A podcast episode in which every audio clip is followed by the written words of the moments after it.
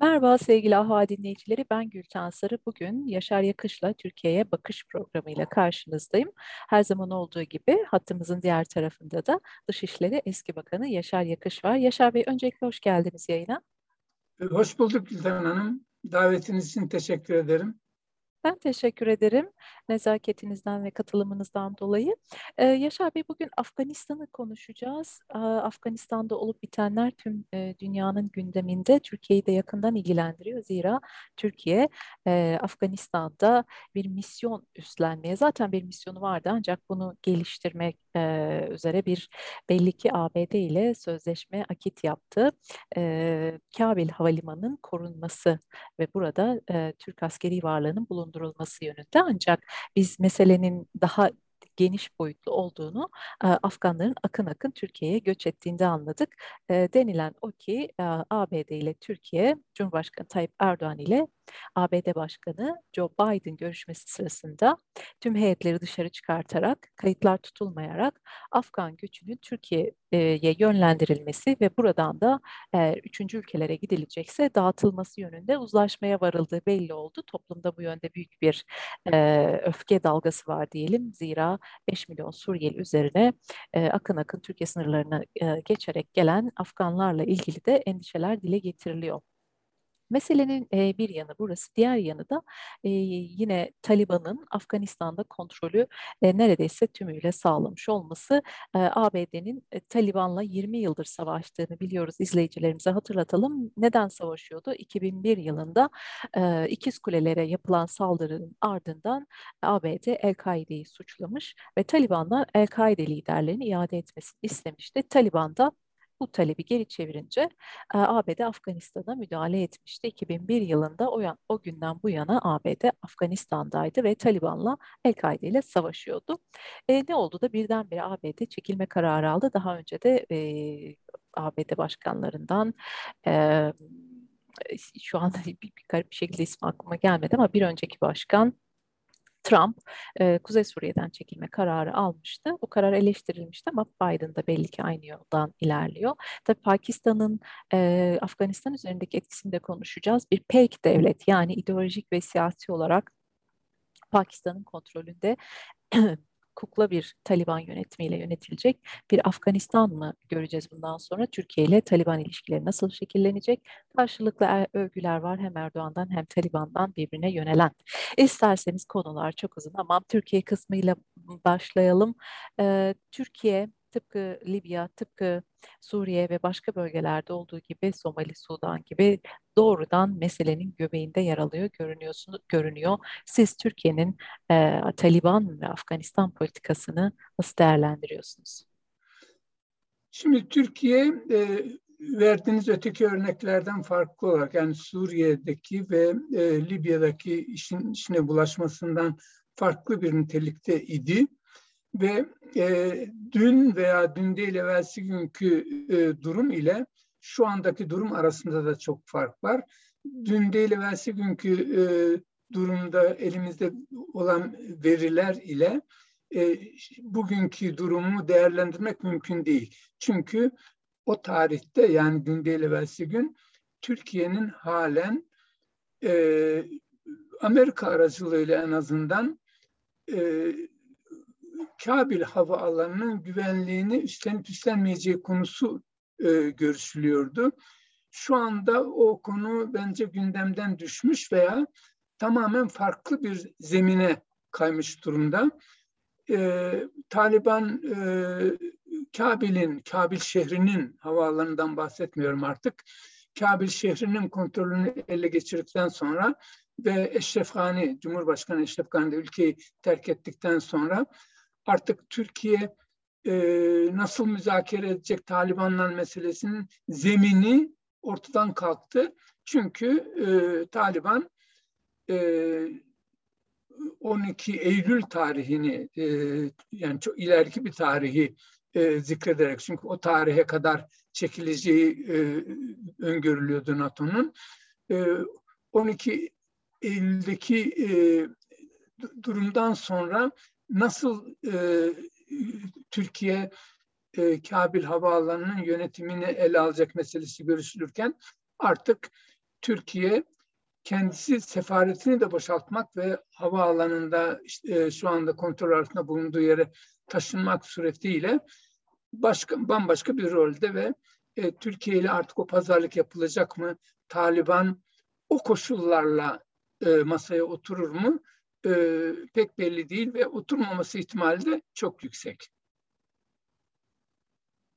Peki Yaşar Bey, Taliban'dan bir açıklama var. Türkiye'yi düşman olarak görmediğini, dost olarak gördüklerini belirten bir açıklama.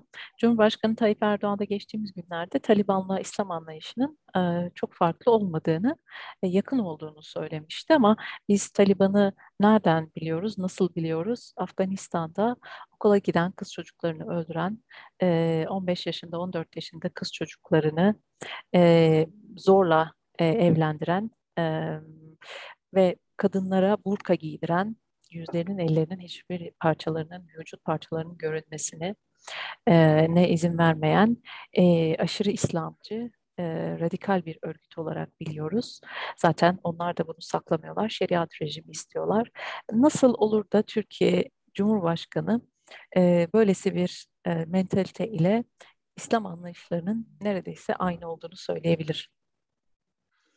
Yani İslam anlayışımız tamamen aynı değil ama müzakere edebilirdi. Çünkü şu veya bu şekilde bir NATO ülkesinin havaalanının e, güvenliğini e, e sağlaması meselesi mevzu. E, eğer bir anlaşmaya varılabilseydi yani Türkiye ile Amerika arasında ve Amerika ile de Taliban arasında bir anlaşmaya varılabilseydi Türkiye bunu müzakere edebilirdi. E, Taliban bunu kabul eder miydi etmez miydi o başka bir şey. Çünkü e, Taliban e, 12 Eylül'de e, bütün NATO e, ülkelerinin bu meyanda Türkiye'nin de Türk askerlerinin de e, Afganistan'ı terk etmesi gerektiğini söylüyordu.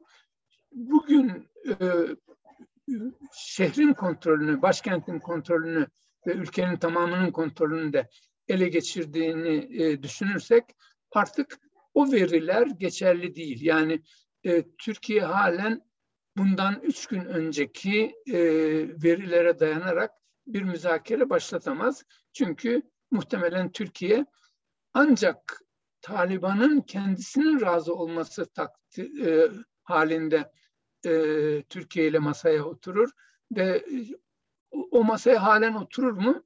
O da bir, bir gündem maddesi olarak bence bir, bir yana koymak lazım. Çünkü e, Taliban'ın da Türkiye gibi hakikaten e, saygı duyduğu bir ülkeyi ve, ve geçmişte de iyi ilişkileri olan ve Sayın Cumhurbaşkanımızın da vaktiyle e, Gülbettin e, Hikmetler'in dizi dibinde e, diz çökerek e, verdiği fotoğrafı da düşünürsek ve şu anda da e, e, Hikmet Yarın da e, etkili bir konuma geldiğini e, düşünürsek yeni Afganistan'da e, halen Türkiye'nin böyle bir müzakereye girişmesi yolu yüzde yüz kapanmış değil. Ama en azından üç gün önceki koşullardan farklı koşullarda olacaktı, olacaktır. Çünkü Türkiye'de kendi büyükelçiliğini dahi boşaltıp e, Afganistan'daki vatandaşlarını e, buldukları ilk uçakla Türkiye'ye e, dönmeye davet etmekte ve işte kendi konsolosluk servislerini havaalanının kendi kontrolündeki bir yere taşımak zorunda kalmış durumda. Bütün bunları değerlendirdiğimiz zaman e, üç gün önceki koşullarla bugünkü koşullar e, çok farklı ama Sayın Cumhurbaşkanımızın bütün bunlara rağmen ben e, Taliban yetkilileriyle o da bütün riskleriyle beraber onun göze alabileceği bir şeydir. Yalnız e, Türkiye'nin işinin her geçen gün daha zor olduğunu ve askerimizin orada her geçen gün daha e, fazla tehlikeye maruz olduğunu kabul etmemiz lazım. Peki Yaşar Bey, e, şöyle bir bakı baktığımızda Türkiye neden dünyanın en sorunlu e, bölgelerinde bir misyon üstlenmeye bu denli hevesli, istekli ya da iktidar diyelim? neden Türkiye Afganistan'da kalmak ve orada bir şekilde e, sürecin içerisinde olmak istiyor. Buna dair ne söyleyebilirsiniz? Şimdi e, önce Türkiye ile Afganistan arasındaki tarihi ilişkileri e, e, mutlaka hatırlamamız lazım. Yani e, Çanakkale Savaşı'nda dahi o tarihte 1915'lerde e, Afganlılar İngilizlere karşı mücadele verirken Türkiye'de Çanakkale'de İngilizlerle savaşırken e, Afganistan'dan genç delikanlılar gelip Çanakkale'de Türk ordusunda İngilizlere karşı savaşıyorlardı. Sonra Cumhuriyet kurulduğu zaman daha doğrusu Cumhuriyet kurulmadan önce Türkiye Büyük Millet Meclisi e, hükümeti kurulduğu zaman onu ilk tanıyan hükümet Afganistan olmuştu.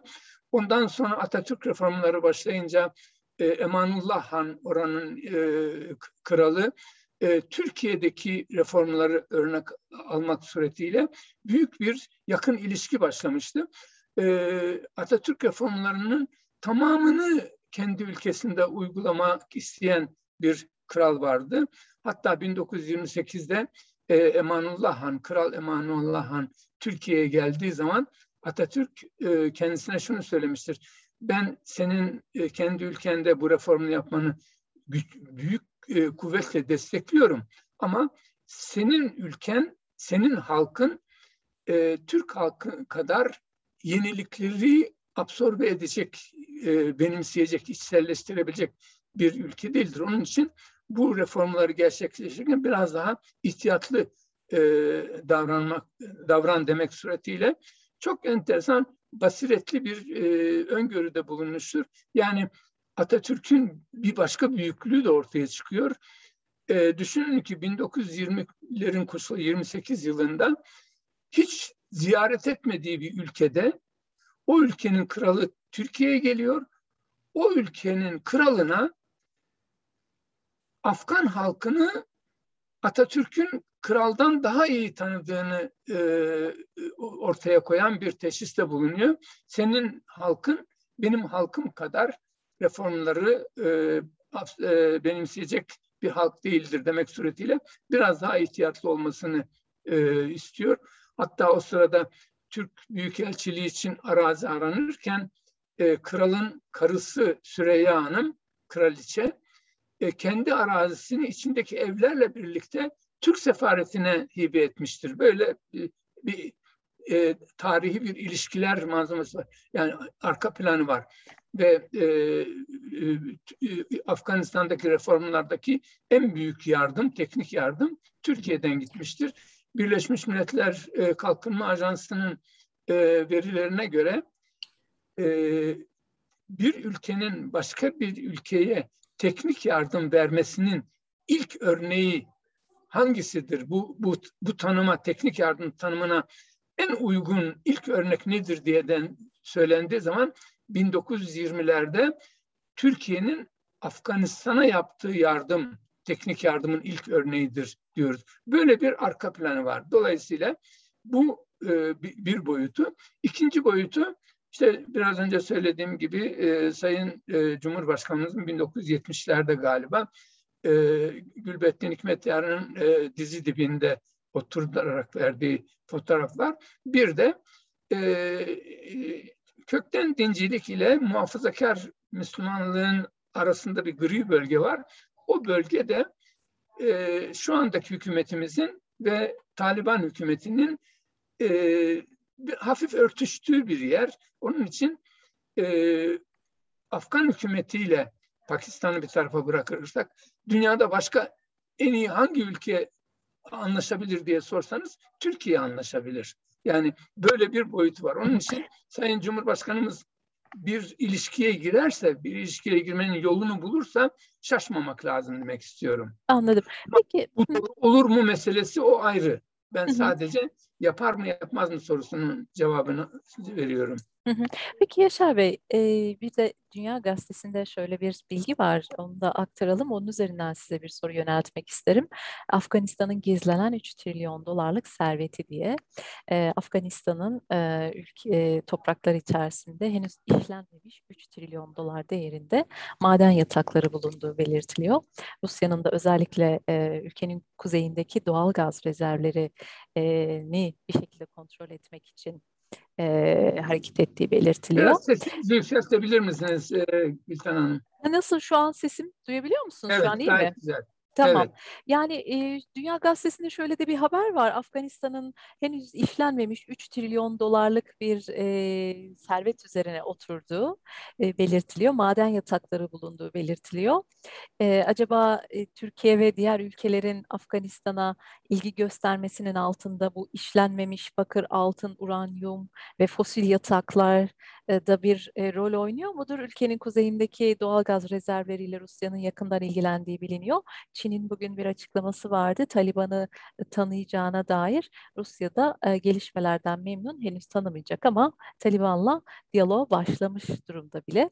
E, ne dersiniz? Yani sadece Türkiye'nin ilgisini tarihi e, işte halklar arasındaki e, diyalogdan dolayı mı e, bu kadar e, ilgisini böyle yorumlamak gerekir yoksa buradaki e, müthiş zengin e, maden yatakları, işte doğalgaz yatakları da bu ilişkide bir rol üstleniyor mu, role sahip mi? Asıl rolün o olduğunu tahmin etmiyorum. Yani asıl rol e, Türk halkı ile Afganistan halkı arasındaki tarihi ilişkiler önemli rol oynuyor. İkincisi e, şu andaki Türkiye'deki iktidarda olan partinin fikriyatı, ideolojisi ile Taliban ideolojisi arasında e, üst üste örtüşmemekle birlikte e, bir gri alanın mevcut olması hususu var. Bu üçüncü husus ise madenlerin işletilmesi. 3 trilyon dolar dediğiniz şey zaten 3 trilyon doları Amerika son 20 yılda sadece ülkeyi tahrip etmek için kullandığı para 3 trilyon, 2 küsür trilyon e, dolar galiba. Yani o kadar parayı Amerika orada toprağa gömdü şu anda. E, ayrıca 3 trilyondan çok daha fazla olduğunu düşünüyorum e, şeyin e, Afganistan'ın e, maden kaynaklarının çünkü çok e, o, o dağlar madenlerle dolu ama henüz doğru dürüst araştırması e, yapılmış değil. Dolayısıyla o unsurlardan biridir ama onun en öndeki unsur olduğunu tahmin etmiyorum. En öndeki unsur e, NATO tarafından böyle bir e, görevi Türkiye'nin devam ettirilmesi ihtimali ortaya çıkmıştı. Türkiye'de Amerika ile aradaki ilişkileri yumuşatmak için böyle bir fırsat penceresi bulmuştu NATO zirvesinde. E, Sayın Cumhurbaşkanımız da Biden'la görüşmesinde e, muhtemelen gör, görüştüğü bir iki madde arasında bu da vardı ve Türkiye'nin talip olduğunu e, biliyoruz. E, e, Karzai Havaalanı'nın e, güvenliğinin sağlanması işine ama bütün bu e, havaalanı ile ilgili kısmının artık olayların hafif gerisinde olduğunu yeni bir sayfa açar. Belki yine e, Türkiye böyle bir görev üstlenebilir ama farklı koşullarda bir müzakere zemini var. E, bu kez şimdi ülkeye hakim olmuş olan e, pazarlık yapmaya ihtiyacı olmayan bir Taliban idaresinin e, Türkiye ile yani Türkiye'de olabilir, başka birisi de olabilir veya herhangi bir ülke olmaksızın bireysel uzmanlar e, işe almak suretiyle yani Amerika'dan bir uçak mühendisi veya e, şey işte yiyecek içecek e, bölümünü idare edecek bir adamın işe alınması, ondan sonra uçuş kulesinin kontrolünü yapabilecek e, Avustralya'dan bir adam getirilmesi suretiyle böyle çeşitli yerlerden bireysel e, düzeyde teknisyenler işe almak suretiyle de Taliban yönetimi bunu yapabilir. E, Türkiye ile ilgili konumunu Taliban ortaya koymuş. Yani öteki NATO ülkeleri çekileceği için Türkiye'nin de e, 12 Eylül bir e, hedef tarihte o tarihte Türkiye e, öteki ülkelerle birlikte 12 Eylül'den önce e, Afganistan'ı terk etmelidir diye söylüyordu. Şimdi bunu söylemesine gerek yok. Fiilen zaten e, Türkiye'nin böyle bir şey aday değil, sıfırdan ortaya çıkan bir gelişmeler manzumesi olacak. Belki Sayın Cumhurbaşkanımız bir yolunu bulup, belki Pakistan'ı araya koymak suretiyle bir yolunu bulup e, Taliban'la bu müzakereyi yeniden başlatabilir mi? Böyle bir ihtimal var. Başlatmalı mıdır, başlatmalı mıdır meselesini ayrıca konuşmak lazım. Ben sadece başlatabilir mi meselesinin e, sorusunun cevabını e, bu şekilde veriyorum. Tam aslında iyi bir noktaya temas ettiniz. Pakistan dediniz. Pakistan şu an galiba Afganistan üzerindeki en etkili e, devlet güç. E, Taliban militanlarının Pakistan tarafından eğitildiğini e, biliyoruz. E, özellikle e, bu Peştuların Pakistan'dan ayrılarak ayrı bir devlet kurmaması amacıyla, amacıyla o milliyetçi dalganın kırılması e, gerekçesiyle e, İslamcı ideolojinin e, Taliban arasında Afganistan, Pakistan tarafından yayıldığını da biliyoruz geçmişte. Ne dersiniz? Bu olup bitenlerin ardındaki güçlerden, ülkelerden bir tanesi de bu tablonun çıkmasının müsebbiplerinden bir tanesi de Pakistan mıdır? Pakistan'ın Afganistan üzerindeki etkisini nasıl değerlendiriyorsunuz? Ve Türkiye ile Pakistan e, Afganistan nedeniyle karşı karşıya gelir mi yoksa mükemmel bir işbirliğine mi girişirler ne dersiniz? E, bence her iki, iki ihtimalde e, var ettir. Çünkü e, Peştunlar e, Afganistan'daki en büyük çoğunluğu teşkil ediyor. Galiba nüfusun yüzde 42'sini e, Peştunlar teşkil ediyor. Pakistan'da da Peştunlar çok etkili. Dolayısıyla pek tabii ki komşu ülkedeki e, bu büyük e, en yüksek çoğunluğu e, çoğunluğa sahip çıkmak ve onu manipüle etmek, onu kendi amaçları için kullanmayı e, Pakistan'ın düşünmesini ben normal karşılıyorum. Ama öte yandan e, biz pek farkında değiliz ama e, Türk kökenli e, ırklar da e, Pakistan'da çok güçlü. E, ve şimdi rakamlarıma bakıyorum. E, %24 Taciklerden Hazaralar, bahsediliyor. Haz, Hazaralar var e, şeyde yani e, Şii Hazara Türkleri e, e, şeyde Afganistan'da nüfusun yüzde onunu teşkil ediyorlar. Özbekler yüzde dokuzunu teşkil ediyorlar. Türkmenler yüzde ikisini teşkil ediyorlar. Yani 19, yüzde 21. Halkın beşte birini Türk kökenli insanlar teşkil ediyor. Yani yüzde 42'sini e, Peştunlar teşkil ediyor diyoruz ve onun arkasında Pakistan var ama yüzde 20'sini yüzde 20'sini teşkil eden de Türk kökenli e, çeşitli düzeydeki ama Şii ve Sünni maalesef hükümetimiz Şiilerle Sünnileri ayrı ayrı insanlarmış gibi mütalaa ediyorlar. Yani onları ayrımcı bir gözle bakıyor ama bunların sonunda Türkçe konuşan, Türk kültürüne bağlı insanlar olduğunu düşünmemiz lazım. Dolayısıyla Türkiye eğer e, daha gerçekçi bir politika izlerse e, Hazaraların e, Hazara Türklerinin e, Şii oldukları hususunu bir tarafa bırakıp bunlar Türktür. E, ondan sonra e, şeyler e, e, Özbekler pek tabii ki e, Türk, Türkmenler haydaydı Türk. Dolayısıyla yüzde 21 oranında da Türkiye'nin oraya ilgilenmesi, e, e, Afganistan'la ilgilenmesi için yeterli sebep var. Onun için Türkiye ile Pakistan Afganistan alanında çatışır mı derseniz inşallah çatışmaz. Çünkü ama böyle bir ihtimal de yok değil galiba anladığım kadarıyla. Hem işbirliği hem çatışma ihtimali. olabilir. Eğer oradaki saflaşmalar bu istikamette olursa. Şimdi e, biz Taliban'ın e, ortak bir unsur olarak din unsurunda birleştiklerini düşünürsek ırkı bir tarafa bırakıp biz Müslümanız noktasında birleşeceklerdir. Onun için o çatışmanın yani e, etnik çatışmanın biraz daha e, önemini azaltacağını düşünüyorum. Müslüman olmak Sünni Müslüman olmak hele daha da önemli bir unsur haline gelecektir e, Afgan için, Taliban içinde.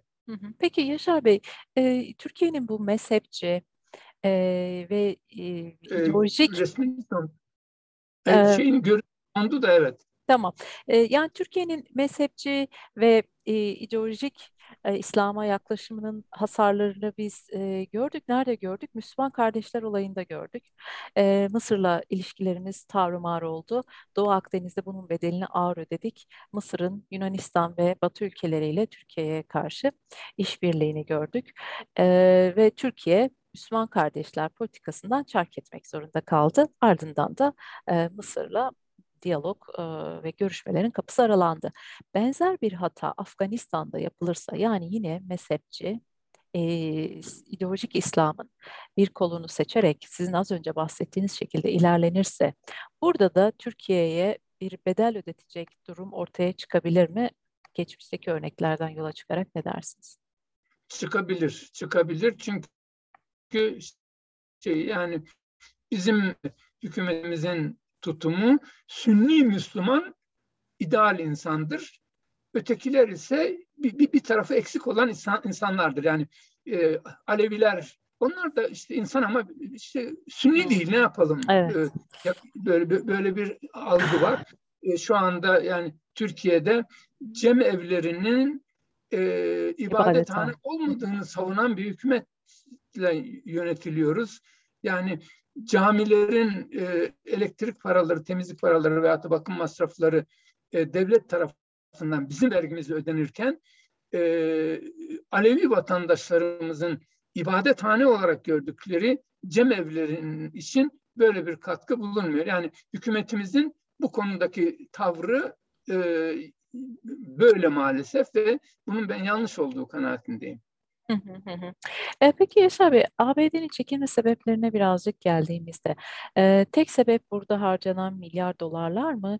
Yoksa e, nedir yani ülkeyi bir anda güm diye hakikaten Taliban'ın e, kucağına terk edip ve insanları son ana kadar ülkede tutup e, işte dün ve önceki gün izledik ortaya korkunç görüntüler çıktı. İnsanlar havalimanlarına kaçış için Kabil Havalimanı'na özellikle akın ediyorlar. Uçaklara doluşup canlarını kurtarmaya çalışıyorlar. Ee, ne dersiniz? Neden böylesi bir e, kötü çekilme e, gerçekleşti? Yani bu Amerika'nın yaptığı ilk hata değil. Saigon'da e, 1974 müydü, 73 müydü hatırlamıyorum. O tarihte hatırlarsanız e, Amerikan Büyükelçiliği'nin çatısından helikopterle insanları tahliye etmek suretiyle e, ancak kurtardılar. Irak'ta yaptıklarını e, göz önünde bulundursak yüzüne bulaştırdı. Aynı şekilde e, Pakistan şeyde de Afganistan'da da e, bu duruma e, getirdi. Yani Amerika'nın yaptığı hataların e, sayısı bir ile iki değil. E, o, o benzer hatalardan bir tanesinde e, Afganistan'da yaptı. 20 yıl sürdü savaş ama e, Afganistan tarihte e, tarih bilimcileri tarafından imparatorlukların mezarlığı olarak adlandırılır. Yani e, Büyük İskender milattan önce e, 333 e, yılında e, orada yenildi. Geri çekilmek zorunda kaldı. Daha sonra Gazneli Mahmut zamanında ve işte Orta Asya'daki Türk e, e, devletleri tarafından da e, e, Afganistan'dan çekilmek zorunda bırakıldı.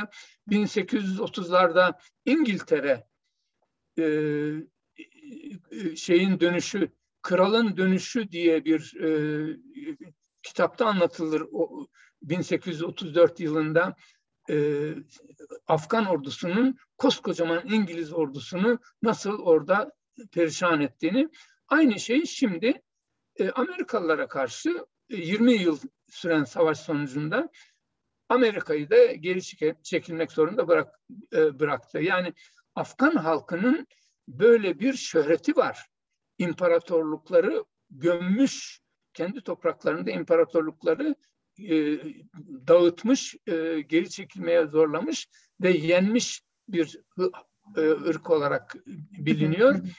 Buna Amerikalıların başka yerde yaptıkları hatayı burada da tekrar etmelerinin sonucunda burada da aynı duruma geldi ve e, halkı doğru dürüst tanımadıkları için belki e, Türkiye gibi ülkeden biraz daha tavsiye alsalardı ve e, halkla daha iç içe olsalardı belki daha iyi olacaktı. Daha Çünkü e, şeyi e, düşünürseniz e, bu 20 yıl içinde Türkiye'nin İSAF içinde yer aldığı askerler hep en fazla Afgan halkı tarafından en fazla benimsenen, en yumuşak karşılanan halktı. Zaman zaman anekdotlar anlatılır. Ee, Afganlar e, şey Taliban e, elemanları galiba bir yerde NATO askerlerine e, havaya uçurmak için gelmişler, etrafını sarmışlar. Sonra aralarında Türkçe konuştuklarını duyunca onların Türk olduğunu anlayıp onları havaya uçurmaktan vazgeçmişler. Yani Türk ordusuna karşı öteki NATO ülkelerine nazaran daha farklı bir davranış her zaman olmuştur. Peki. Eğer Türkiye'yi biraz daha devreye soksalardı ve e, değerlendirme konusunda Türkiye'nin e, kanaatini biraz daha fazla alsalardı belki Amerikalılar bu hatayı bu hatadan daha erken döneceklerdi. 20 yıl sonra değil de 10 sene önce döneceklerdi. Peki Yaşar Bey son iki sorum. Ee, bu benzerliği kurmak bilmiyorum ne kadar doğru olur ama Türkiye biliyorsunuz İdlib'de cihatçı grupların hamisi konumunda. Rusya bu durumdan rahatsız, Esad rejimi bu durumdan rahatsız. Ee, Türkiye'ye yönelik saldırılar da oldu. Çok sayıda asker kaybı da yaşandı. Yine benzer bir şekilde Türkiye Afganistan'da e, e, Taliban'la Taliban'ın istediği şekilde hareket etmemesi durumunda yine izole edilmiş e, kulelerde, e, askeri üslerde e, kendini korumaya ve dolayısıyla da saldırılara açık hale gelmeye devam eder mi? E, son olarak da az önce sizin vurguladığınız Türkiye'nin Afganistan'da henüz e, durum korken ateş e, halindeyken e, bu kadar hızlı e, görev üstlenmesi kendini ortaya atması, e, böyle bir misyonu yüklenmesi ne kadar doğru ne dersiniz? Sonrasında da yayını yavaş yavaş kapatalım. Son, son soruya e, doğru değildir diye cevap vermek suretiyle bir kere onu e, şey yapalım. Yani Türkiye'nin böyle bir şeye girişmesi doğru değildir. Özellikle bu pazarlıklar falan eğer yapacaksa Sayın Cumhurbaşkanımız her şeye rağmen ben e, onlarla aynı dalga boyunda mutlaka bir e, buluşmayı e, başarırım diye bir müzakereye girerse ne olur onun sonucu onu ayrıca e, değerlendirmek lazım ama e, e, şeyin e, sorunun cevabı Türkiye'nin bugünkü koşullarda böyle bir şeye talip olmasının e, sakıncalı olduğunu düşünüyorum. Çok iyi pazarlık edilir de çok sarih e, şeylere varılırsa e, mutabakata, garantilere de bağlanırsa o zaman e, o şartlara bakmak lazım. Yani ayrıca değerlendirmek lazım. Çünkü şu anda o kadar çok bilinmeyeni var ki bu işin evet ve hayır diye bir e, kısa cevap vermek doğru değil. E, şeyin e, etrafının sarılıp da e, yani her tarafı düşman şeyler haline gelmesi ihtimali var mı? Var. E, şu anda zaten e, sefaretin konsolosluk şubesinin havaalanının bir bölümüne sıkışması e, da gösteriyor ve e, bizim askerimiz şu anda e, e, muharip e, güç e, ortaya koyacak, projekt edecek bir konumda da değil. Orada muharip güç olarak bulunmuyordu. Dolayısıyla saldırı imkanları yok. Zaten Amerika ve öteki NATO ülkeleri de ortadan çekildikten sonra Türkiye'nin böyle bir bir adacık içinde yalnız başında etrafı Taliban'dan çevrilmiş bir e, grup içinde kalması e, sakıncalıdır. E, bu, bunun sakıncalı olmasının bir başka nedeni de şu. Taliban dediğimiz şey böyle bir piramit en başında çok yetkili bir adam var altında daha az yetkili böyle bir şey e, komuta e, Zincir. ve zinciri içinde faaliyet gösteren bir şey değil. E, çok sayıda Taliban fraksiyonu var. O tra, e, yani başı bozuk bir örgütten bahsediyoruz aslında. Başı Efendim? bozuk, başı bozuk bir örgütten bahsediyoruz. Yani kendi içlerinde şey ama mesela bir Taliban grubu e, burka giymeyen bir e, kadının e, sokakta e, taşlanması, öldürülmesi gerektiğini veya kamçılanması evet. gerektiğini inanıyor. Öbürü ise şimdi e, resmi yap, e, Taliban adına yapılan resmi açıklamalarda biz kadınların yalnız başına burka giyerek kastediyorlar tabii. Burka giymek şartıyla yalnız başına sokakta yürümesine e, engel olmayacağız diyor. Okumalarına engel olmayacağız diyor. Bu ne, ne ölçüde uygulanacaktır onu bilmiyoruz.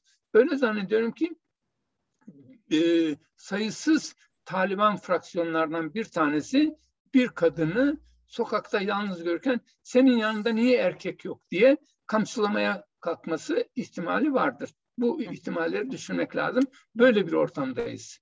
Evet, peki. Eser Bey isterseniz bugünlük bir virgül koyalım. Konu çok sıcak. Muhtemelen e, çok büyük önemli gelişmelere de sebep e, ol, olacak ilerleyen günlerde. Zira Türkiye yine e, önemli bir kriz bölgesine balıklama dalmış görünüyor. E, ben yayına katıldığınız için teşekkür ediyorum. Bir sonraki yayında da görüşmek dileğiyle. Ben teşekkür ediyorum. En iyi dilekler. Saygılar.